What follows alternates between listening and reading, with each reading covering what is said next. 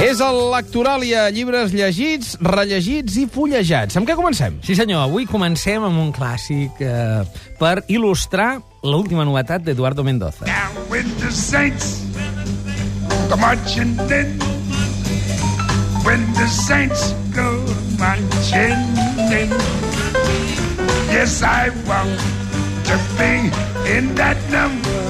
Yes, when the saints go marching in. Un clàssic, When the Saints, i al mateix temps la veu que potser l'ha popularitzat més, Louis Armstrong. Hem sentit eh, versions més recents, per exemple, de Bruce Springsteen i la Seagull Sessions Band, Sí, senyor. però aquest...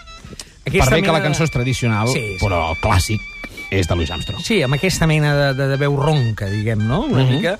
Uh, bé, no, uh, a veure, avui ve molt donat per al títol de l'últim llibre d'Eduardo Mendoza, que es diu Tres vides de Santos.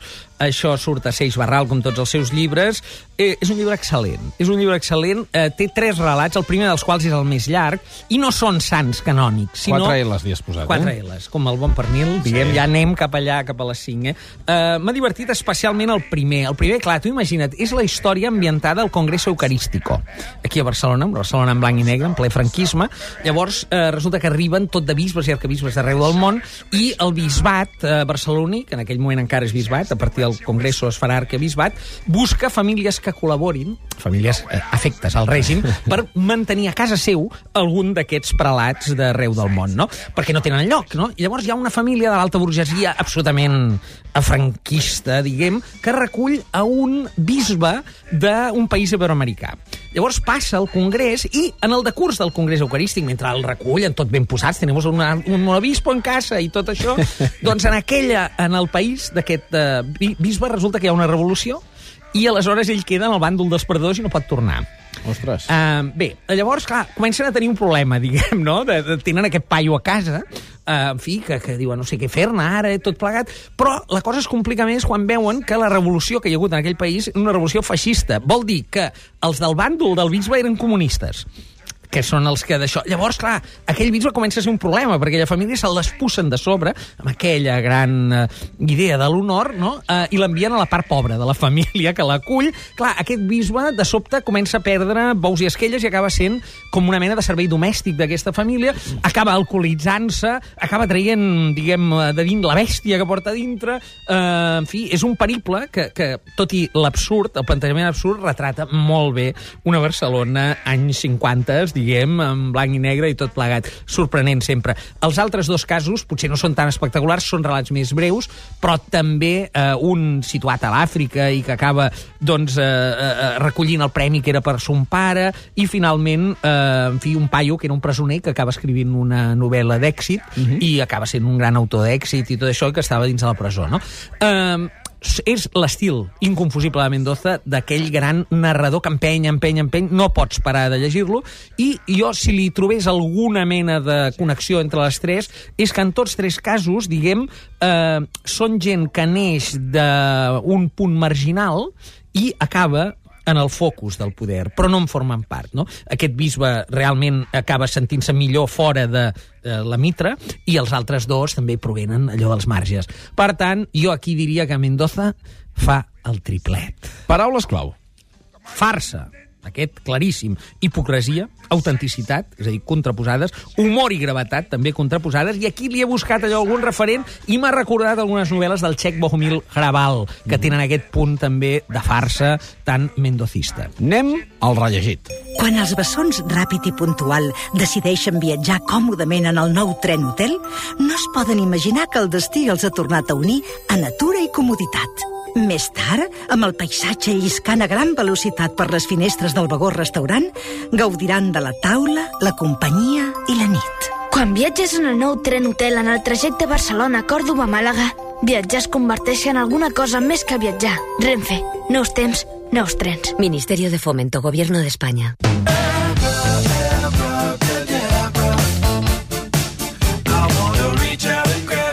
És l'Steve Miller Band, ens falta la bola de vidrets eh, I ja hi- girant. i ja hi seríem. I ja hi seríem. Sí, sí, sí. Uns pantalons una mica campanats. Sí, sí. Eh, Em lliga, eh, una mica amb el llibre que, que hem de... Què ens il·lustra, Abracadabra? Mira, fixa't, eh, d'entrada, mm, il·lustrem l'última novel·la del Dan Brown, El símbol perdut. Rellegit? Ja t'ha donat temps de llegir-lo i rellegir-lo? No, te'l poso irònicament Ah. com a rellegit, perquè... Perquè és igual que el primer? És com el codi de Sí. Eh, Sí, sí, sí, és a dir, és és a dir, no, no, al contrari, de fet, això és la millor propaganda que li pots fer amb aquest No me les llibre, diguis, aquestes atès, coses. atès al públic que, que, a qui va adreçat, perquè si els va agradar el Codi da Vinci, aquí més. Ah, És a dir, és la mateixa estructura. Mm. Uh, no, jo, me'l vaig, jo aquest tipus de literatura me'l llegeixo, diguem, amb fruïció, no tinc cap mena de prejudici. Uh, de fet, li he posat tres L's perquè està molt ben estructurat, uh, realment és allò que en diuen un page-turner els americans, no? Que de dir, oh... És, dir, No pots parar de consumir-lo? Sí, sens dubte. Ara bé, ara bé, és que se li veu exactament la mateixa construcció que el Codi da Vinci i m'atreviria a dir, que són les úniques altres dues que m'he llegit, que els àngels i dimonis, també, no? vull dir, es veuen les canyeries? Sí, allò que deia Mercè i eh, aquella famosa història del Mercè i la Gené, sí, sí, sí, clarament. El que passa és que aquí l'estructura sempre és un enigma, un criptograma. I aleshores, com al Codi da Vinci hi havia molts processos de decodificació com d'espies, aquí el que hi ha és una piràmide eh, maçònica perquè tot el que allà era catolicisme, aquí és maçoneria. El que allà era Europa, eh, i fins i tot Ciutat del Vaticà, Àngels i Dimonis, o el Louvre de París, mm. el Da Vinci, aquí és Washington. No. O sigui, aquí la cosa comença al Capitoli i ja d'entrada ja comença que, que et trobes un tio que li han tallat el braç i, i han deixat la mà assenyalant la cúpula del Capitoli, en fi, eh, cops d'efecte, és a dir, aquesta mena de guió que mm, satisfà aquell qui vol una lectura trepidant. Ara, jo diria que està més ben documentat que el Codi da Vinci. Potser perquè li cau més a prop, això de Sí, Washington, sí. i no és cap ironia, sinó que al Codi da Vinci hi havia algun anacronisme d'aquells que posaven els pèls de punta, no? Uh, no sé si menjava paella al País Basc, aquell el vi, no? Diguem, uh, coses així. Alguna banda en trobaríem de paella al Sí, País Basc. sí, però no com a plat, diguem, tradicional, no? En fi, no, aquí es nota que està bé, més ben, eh, diguem, eh, documentat, i jo diria que eh, funcionarà, es vendrà. Llibreters que ens escolteu, segur que en vendreu molts. Ara bé, li veig, eh, diguem, mm, tres eh, petites pegues, no? A veure. Primera, que cau, des de la seva òptica del mercat, en una època encara molt larsoniana. És a dir, el bestsellerisme encara està com una mica inflat de la trilogia de Larson i, eh, saps, no té prou espai de visibilitat com per dir, oh, que ve un nou Dan Brown, no? Que això és una cosa aliena al llibre. Però la segona i la tercera són del llibre. Eh, en El prim- context a vegades influeix quasi més influeix que la molt. cosa, eh? En, en un cas de literatura de consum massiu, molt. I Jo- més coses, Jo, jo diria que molt, no? Però bé, aquí, a diferència del Codi da Vinci, no hi ha una reivindicació de la dona del paper de la dona. Que això li va donar un plus de lectors, Sí. diguem, que aquí no hi és. Que té Larson. Sí que també té Larson. Sempre hi ha aquí eh, una cosa, diguem, que, que provoca adhesions massives, no?, les quals tots podem estar d'acord, de la dona, l'operació històrica. Aquí no. Aquí, com que és la maçoneria, diguem, eh, en fi, hi ha l'humanisme, no?, l'humanisme. I després una tercera cosa que a mi, això sí que m'ha carregat, eh, realment, i és que aquí mm, hi ha una línia argumental que s'apunta només i després s'estronca, que és la no ètica no parlo del millet, eh? No, no és no ètica, sinó una mena de, diguem, de, no, no secta, però una mena de línia de pensament que existeix eh, arreu, molt New Age, de parlar de la no ètica com de la força de la ment. Llavors, aquí hi ha un personatge que diu que està fent eh, com una mena de comprovacions empíriques conforme la gent pensant una cosa que la, la ment té capacitat de transformar la matèria, sobretot si tu, mm, una massa de gent pensa el mateix. És a dir, allò que diem sempre, quan tot el camp és un clam, la pilota entra, no? Doncs això seria que la ment diu, és que fa gol, eh? allà davant del Madrid o davant de l'Inter, tots pensem allò i Hi ha, allò hagut, entra. hi ha hagut dies que la ment ha fallat, eh? Uh, sí, això et anava a dir. Lamentablement, Hi ha això no, no, no, no segueix bé. Bé, en tot cas, jo diria que això que frega l'esoterisme, aquí, eh, jo crec que no s'atreveix a desenvolupar-ho prou, ho deixa apuntat, i jo crec que com a estructura, l'única crítica que li faria és aquesta, no? de generar una expectativa que després ell ho resol tot per la via de la maçoneria i els codis i els criptogrames. Mira, jo els tinc aquí tots apuntats perquè jo soc un malalt d'això i m'agraden, eh? Vull dir que es- estan molt Sí, ben sí, treballats, eh? Quadrats màgics, la piràmide, el número, que... i tot lliga molt bé, l'aus Deo, eh? Per la gràcia de Déu, tot molt bé. Ara bé, argumentalment hi ha una línia que no, no la... No, la resol, eh? Mots clau. Enigma, símbol, maçoneria Washington, Estats Units, acció i, per posar un referent, Edgar Allan Poe, el de l'escarabat d'or, el del criptograma. Think me too long, took the time. No one's to blame. My no time flies so quickly. Avui fullegem eh, amb John Lennon. Sí, senyor, fullegem, fullegem, que el món Estem parlant de literatura. Sí, sí, sí. Aquí tenim Philip Norman, que és un gran eh, biògraf, que de fet eh, no és la primera que fa.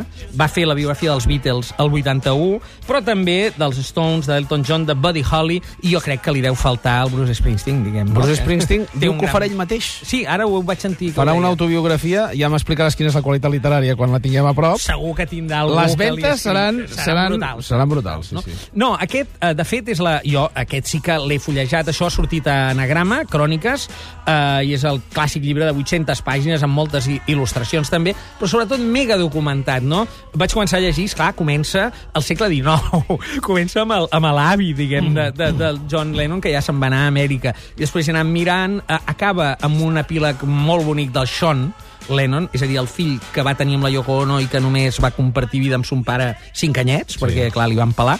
I, I, en tot cas, ja veus que és una biografia que els fans eh, hi trobaran molta, molta informació.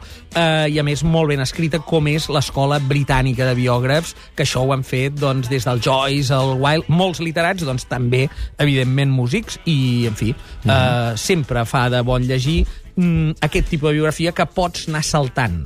Eh? És a dir, que al darrere té un índex... Busques que... els noms propis i Sí. vas allà on t'interessa més. Però no només això, sinó que pots buscar droga, no? I, i aleshores... Sí, sí, bueno, no és que busquis droga de... Quantes entrades té droga? Posar, moltíssimes. Fixa't, a veure, anem a la D, i no només té entrada com a droga, sinó que té una entrada... Espera, no ho trobaré.